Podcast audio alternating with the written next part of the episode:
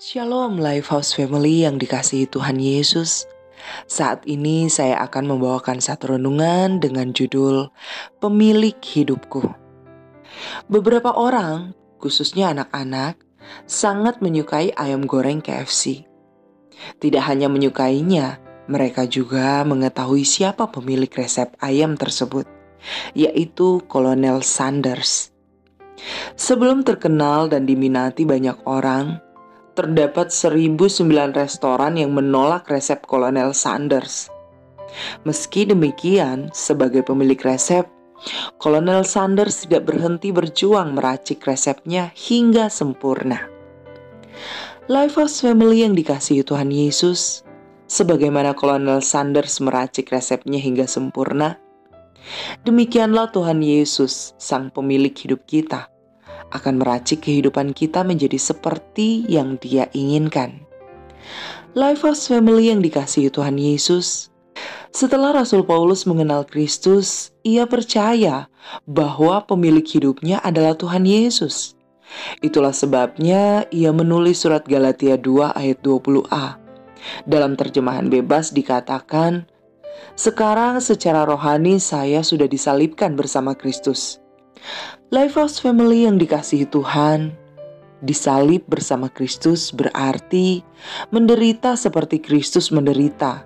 Bedanya, Kristus menderita karena disalib, sedangkan kita menderita karena Tuhan meracik hidup kita. Dengan kata lain, Kristus menderita bukan dikarenakan tindakan sembrono ataupun kelalaiannya, melainkan karena merendahkan hati dan taat kepada Bapa.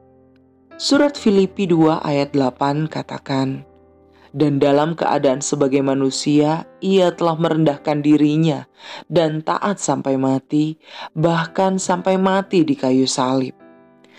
Lifehouse Family yang dikasihi Tuhan Yesus, bagaimana dengan kita? Apakah kita sedang menderita bukan dikarenakan tindakan sembrono ataupun kelalaian kita? Dirugikan, difitnah, dihianati. Percayalah, di balik semua itu, Sang Pemilik hidup sedang meracik karakter kita untuk memiliki kasih, kebaikan, ketulusan yang sama seperti Kristus.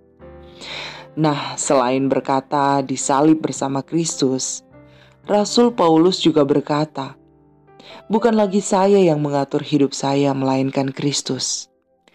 Lifehouse Family yang dikasihi Tuhan Yesus, sebelum mengenal Kristus, Rasul Paulus mengatur segala sesuatu berdasarkan keputusannya sendiri.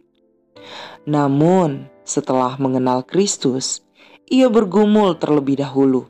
Ia tidak mau sembrono, memutuskan, ataupun bertindak. Dengan kata lain, Segala sesuatu yang Rasul Paulus inginkan harus berdasarkan keinginan Tuhan, bukan keinginannya. Lifehouse Family yang dikasihi Tuhan Yesus, sebagai sang pemilik hidup kita, Tuhan akan menolong kita untuk memilih, mempertimbangkan, dan memutuskan segala sesuatu. Bahkan sebelum kita berbuat sesuatu, Tuhan akan memberikan kepekaan dan hikmat melalui Roh Kudus yang tinggal di dalam diri kita.